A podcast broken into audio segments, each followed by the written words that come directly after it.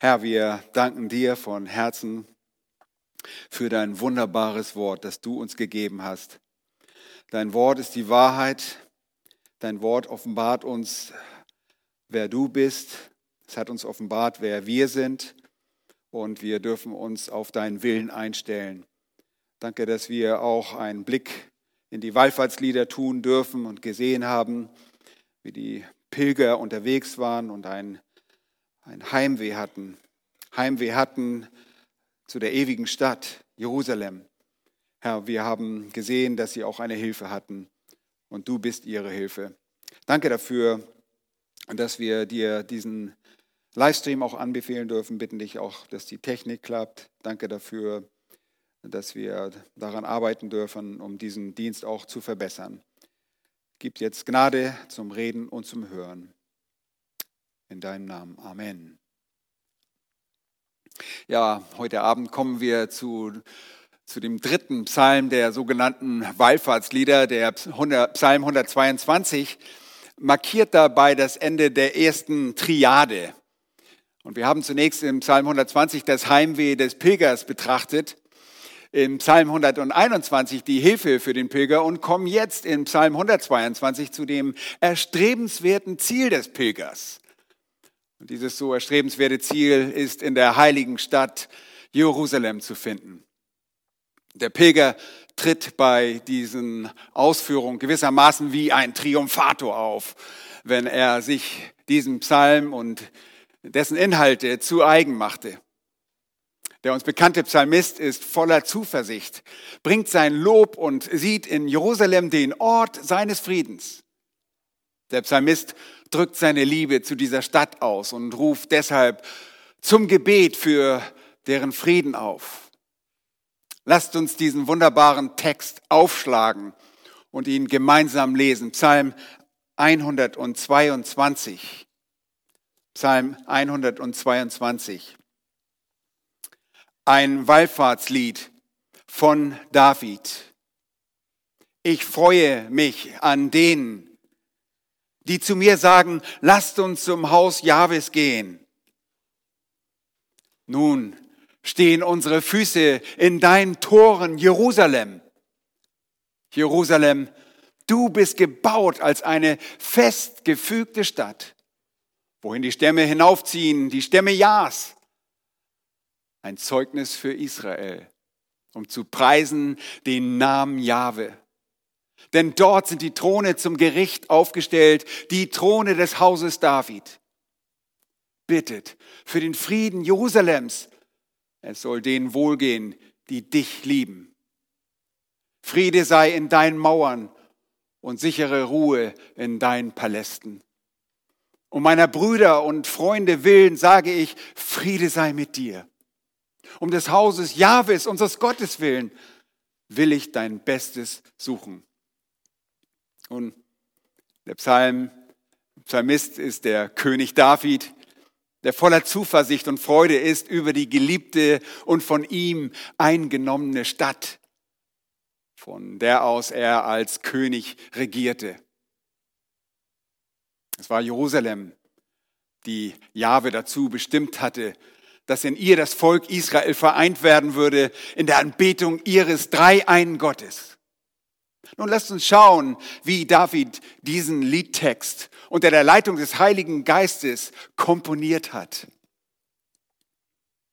Jerusalem als erstes, Verse 1 und 2, ist Grund der Freude.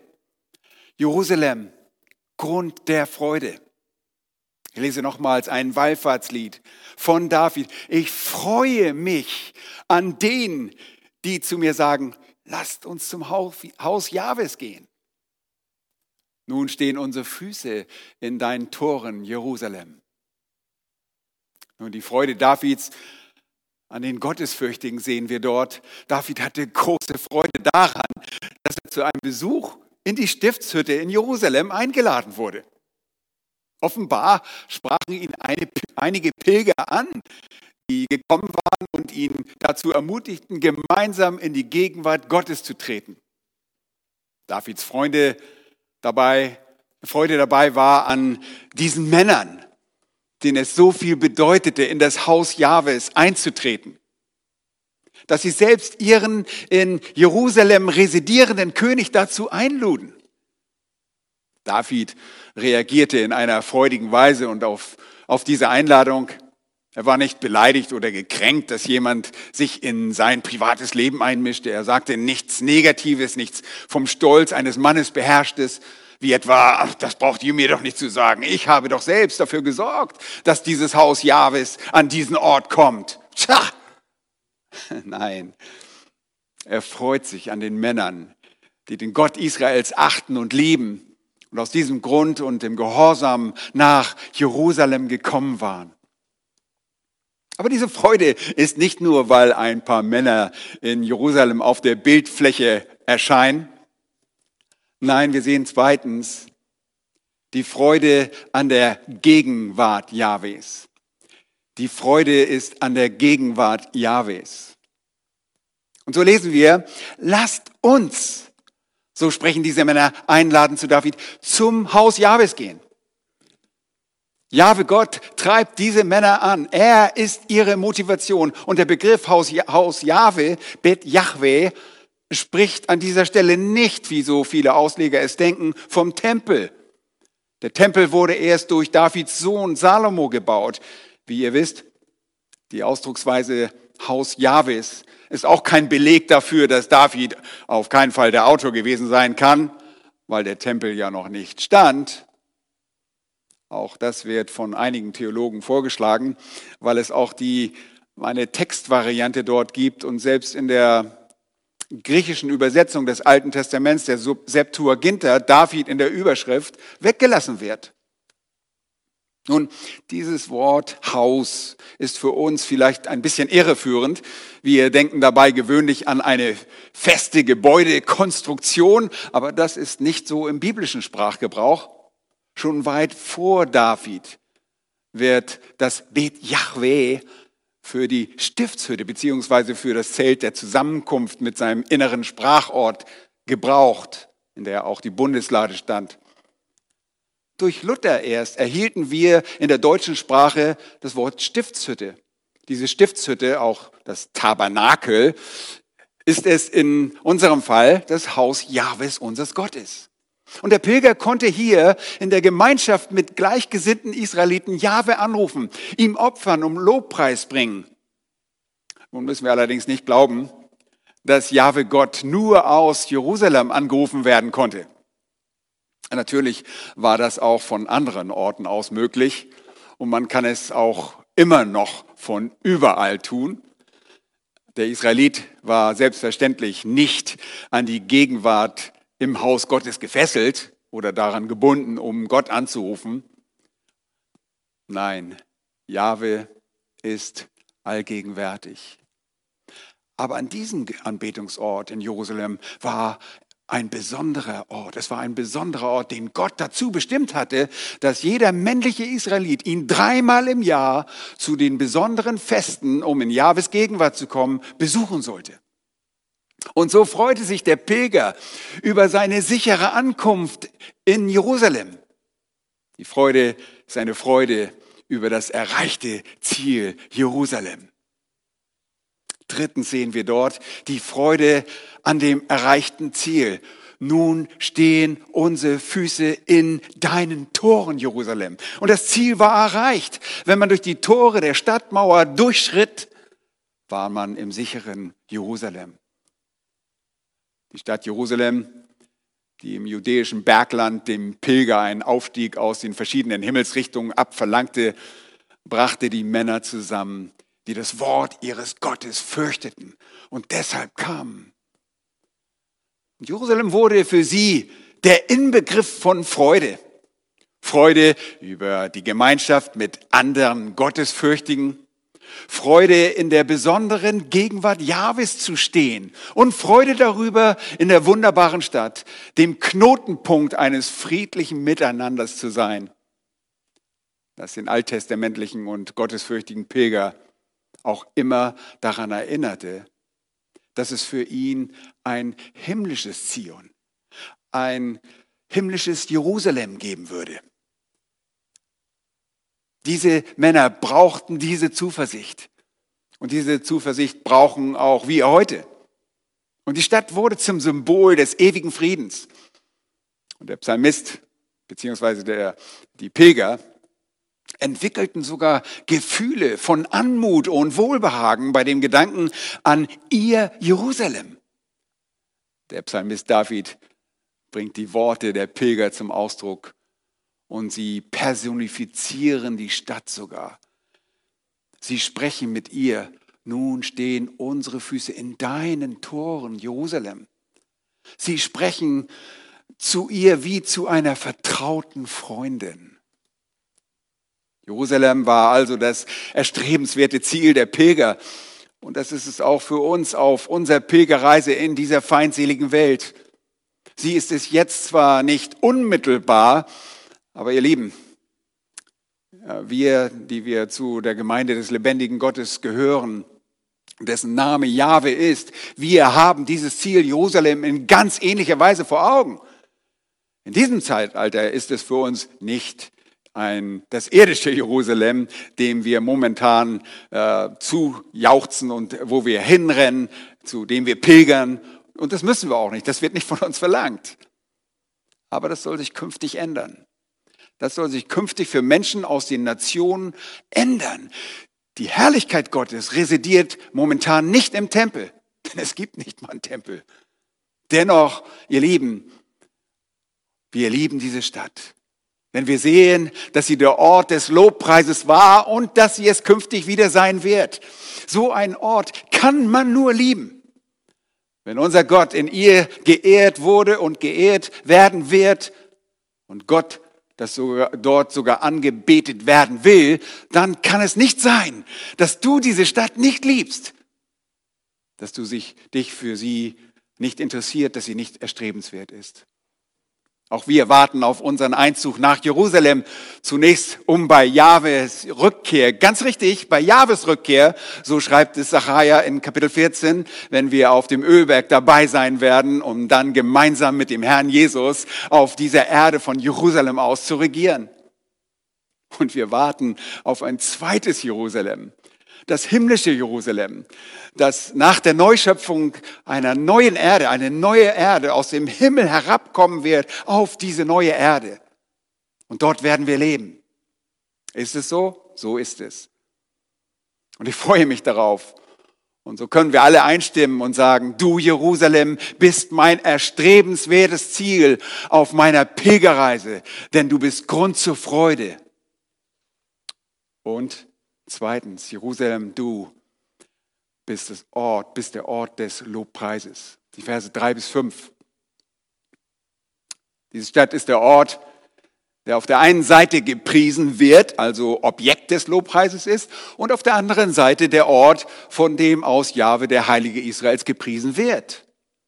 In ihr werden alle Israeliten zu Jerusalemern. Sie galt als gemeinsamer Besitz des Volkes der Israeliten. Und das heißt es, Jerusalem, du bist gebaut als eine festgefügte Stadt, wohin die Stämme hinaufziehen, die Stämme Jas. Ein Zeugnis für Israel, um zu preisen den Namen Jahwe. Denn dort sind Throne zum Gericht aufgestellt, die Throne des Hauses David. Zunächst ist sie der Ort, der gepriesen wird.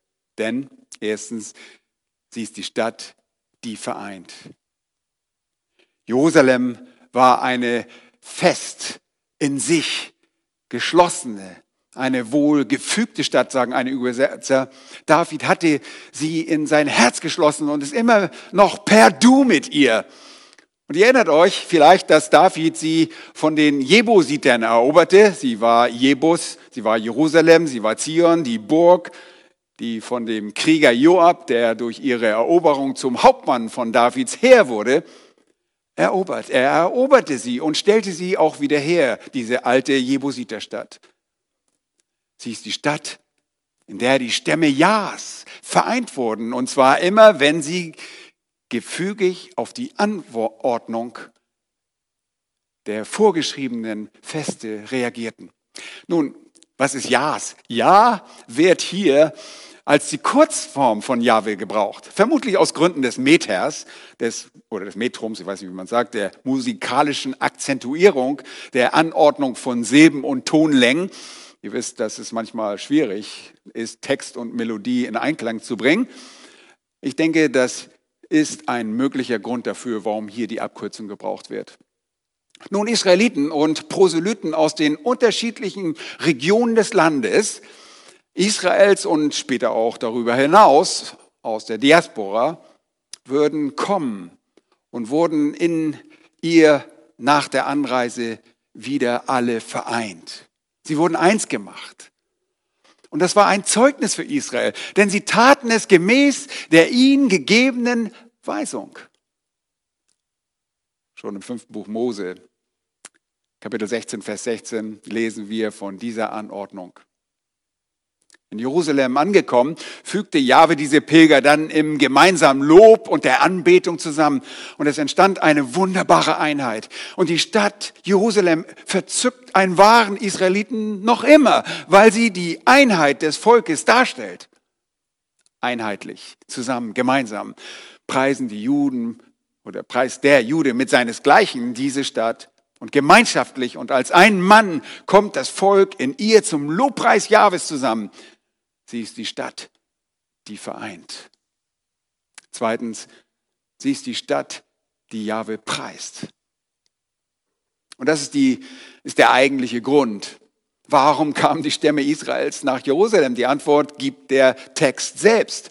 Schaut einmal euch den Infinitivsatz in Vers 4 an. Dort ist die Antwort. Infinitivsätze mit um zu, ja, um zu preisen. Den Namen Jahwe. Und der wahre Israelit sieht die Schönheit Jahwes nicht in ihren Bauwerken. Er mag eine normale, ein normales Heimatgefühl entwickelt haben, wenn er dort aufgewachsen ist. Aber die Stadt hat ihr außerordentliche Bedeutung von, äh, von Jahwe erhalten, weil er dort wohnt.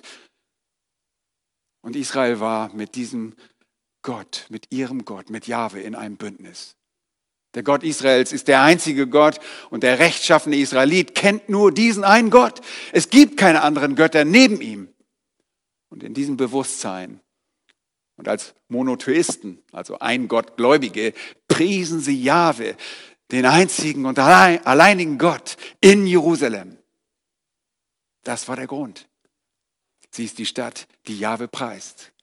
Drittens, sie ist die Stadt, die durch Recht regiert wird. Dort heißt es in Vers 5, denn dort sind Throne zum Gericht aufgestellt, die Throne des Hauses David.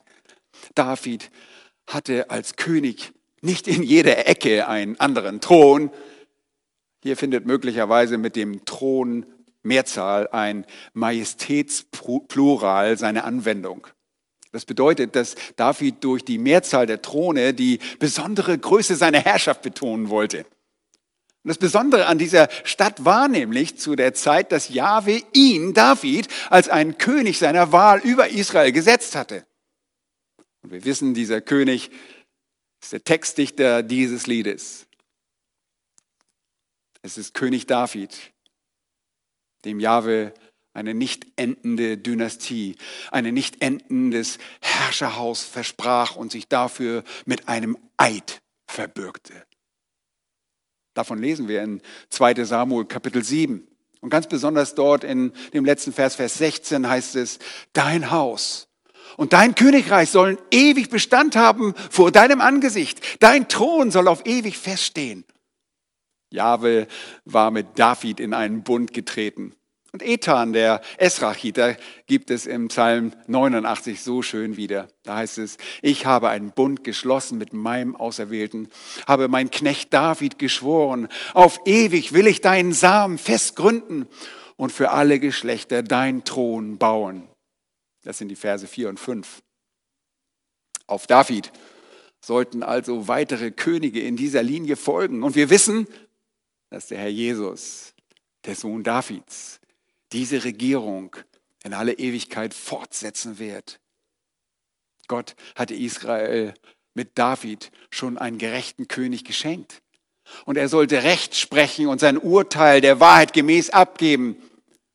Nur zum Verständnis, der König war auch Richter in dem Volk Und in David und in seiner Dynastie hatte das Volk einen König besonderer Größe und Qualität.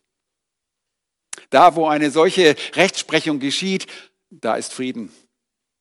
Wenn Jerusalem heute weit vom Recht entfernt ist, eines Tages kommt der Sohn Davids und wird in Gerechtigkeit herrschen und Frieden bringen.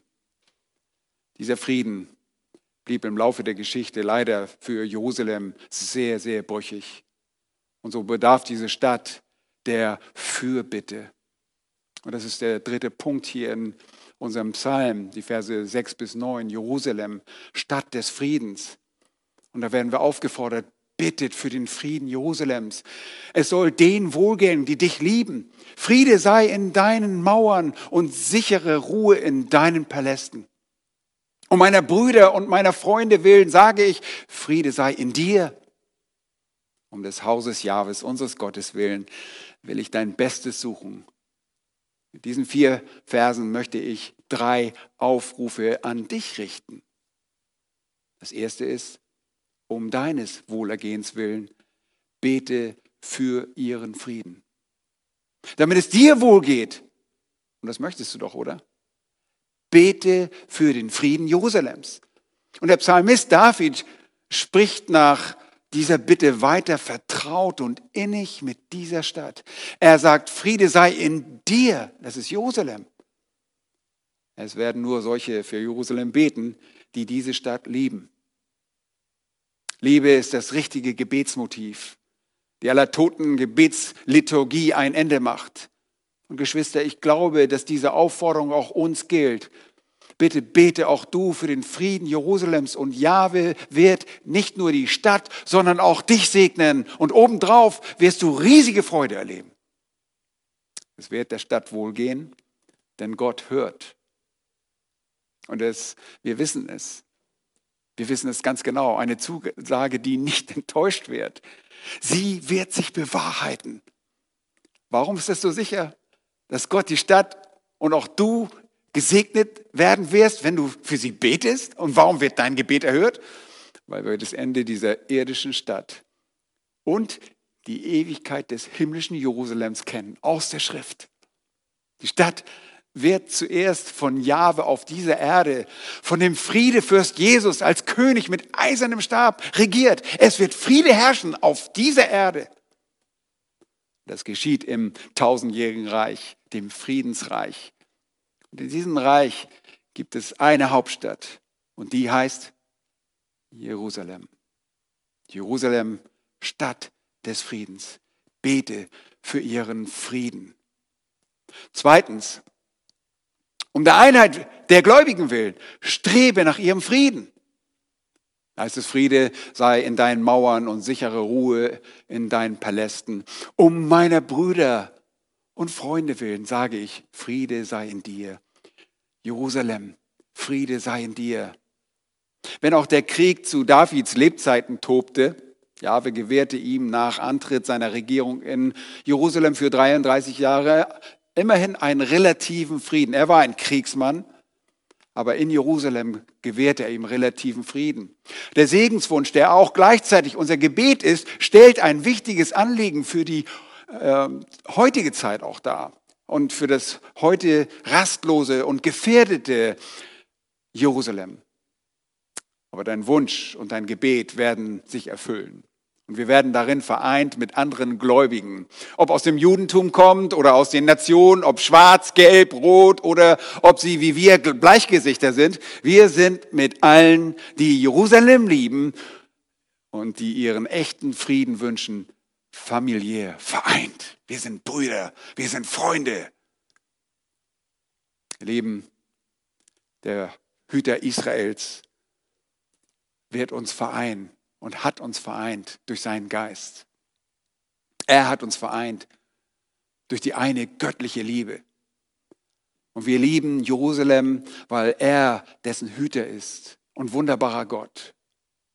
Unser Gott hatte David ergriffen und zu seinem Kind gemacht. Und er hat auch uns vereint durch die Wiedergeburt, so dass das obere Jerusalem unser aller Mutter geworden ist, wie Paulus es im Galaterbrief so eindrücklich ausdrückt. Wir erleben diesen Frieden mit der Wiederkunft des Herrn auf Erden. Aber bis dahin, um der Einheit aller Gläubigen willen, suchen wir ihren Frieden, ihren Gott, ihren Retter, der unser Friede ist. Jerusalem, Stadt des Friedens. Einen dritten Aufruf gebe ich dir, um der Gegenwart Gottes willen. Suche ihr Bestes. Vers 9. Um des Hauses Jahwes, unseres Gottes willen, will ich dein Bestes suchen. Nun, deine Liebe zu Jerusalem, dein Gebet für diese Stadt, dein Wunsch für sie wird am stärksten durch die Gegenwart unseres Gottes motiviert. Und das wird durch das Haus Jahwes ausgedrückt. Er ist der Grund, der dieser Stadt, der diese Stadt aufwertet. Durch sie ist sie eine heilige Stadt. Es ist nicht Berlin und es ist nicht New York, weder Istanbul noch Bagdad. Es ist nicht Varanasi und auch nicht Mekka. Diese Stadt heißt nicht Kalkutta und lieber, lieber Papst, diese Stadt heißt nicht Rom. Die heilige Stadt die der lebendige Gott erwählte, heißt Jerusalem, Jerusalem. Und diese Liebe zu ihr wird durch unsere Liebe zu Jahwe, dem dreieinigen und einzigen Gott und Schöpfer geweckt. Rede gut von ihr. Spreche nicht verachtend von ihr. Schließe dich der Liebe Gottes zu ihr an. Ja, wir kennen auch andere Zeiten in, der, in, diesem, in dieser Stadt. Und auch heute tut sie nicht alles das, was recht ist. Das wissen wir. Aber der Herr liebt sie und wird sie wiederherstellen. Und diese Liebe entsteht durch unsere Liebe zum Messias, zu Christus, denn er ließ sein Leben für uns in dieser Stadt. Und so ging es David. Er liebte die Stadt. Er gab alles für diese Stadt und deren Einwohner um seines Gottes willen. Er wollte Gott gehorchen, sie in Gerechtigkeit regieren und als gerechter Richter richten. Und so gibt er dieser raue und harte Mann und Krieger eine zärtliche Liebeserklärung an Jerusalem ab. Ich will dein Bestes suchen, sagt er. Wie steht es mit dir? Kennst du den Plan Gottes für dein Leben in dieser wunderbaren Stadt? Weißt du, dass die Bestimmung der Kinder Gottes mit dem irdischen und dem himmlischen Jerusalem zu tun hat? Oder bist du ein Mensch, der nie in das himmlische Jerusalem eintreten wird? Glückselig sind die, die seine Gebote tun, damit sie Anrecht haben an dem Baum des Lebens und durch die Tore in die Stadt eingehen können. So heißt es in der Offenbarung dann heißt es weiter dort, draußen aber sind die Hunde und die Zauberer und die Unzüchtigen und die Mörder und die Götzendiener und jeder, der die Lüge liebt und tut. Offenbarung 22, 14 und 15. Tue Buße, kehre um von deinen bösen Wegen, erkenne deine Schuld und demütige dich vor dem lebendigen Gott. Er wird dich erhören. Und er wird dir ewiges Leben geben und er wird dir den Zugang in diese wunderbare Stadt gewähren. Wenn du Hilfe und mehr Erklärung dafür brauchst, dieser Psalm musste kurz ausgelegt werden. Man kann so viel dazu sagen, aber wir haben uns auf eine halbe Stunde begrenzt. Wenn du Hilfe brauchst, sprich uns an. Nimm ein Telefon zur Hand und frag nach. Ruf den Herrn an. Seine Leitung ist nie besetzt, unsere mag besetzt sein, aber ruf uns an. Ruf uns an, wir helfen dir gerne weiter.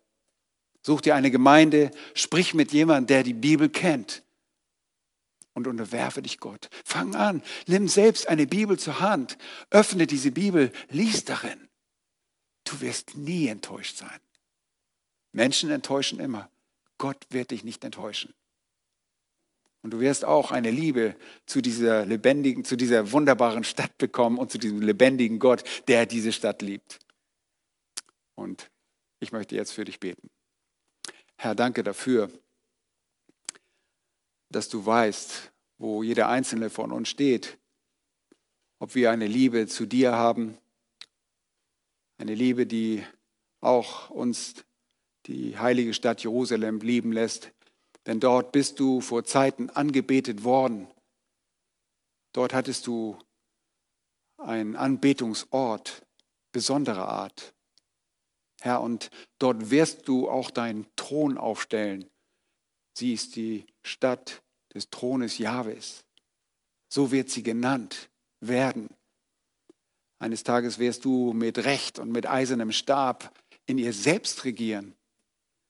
Und die Nationen, die dann noch übrig sind, werden alljährlich hinauf pilgern nach Jerusalem, um anzubeten. Ja, und ich bete, dass alle unsere Zuhörer, jeder einzelne von uns, Teil daran haben wird. Auch an dem himmlischen Jerusalem, das auf die Erde herabkommen wird, dass niemand außen vor bleiben muss, sondern dass du ihnen Zugang gewährst in deine Gegenwart. Da, wo du selbst der Tempel sein wirst, wo es kein Tempel, keine Konstruktion der Art mehr gibt, weil du dort selbst bist.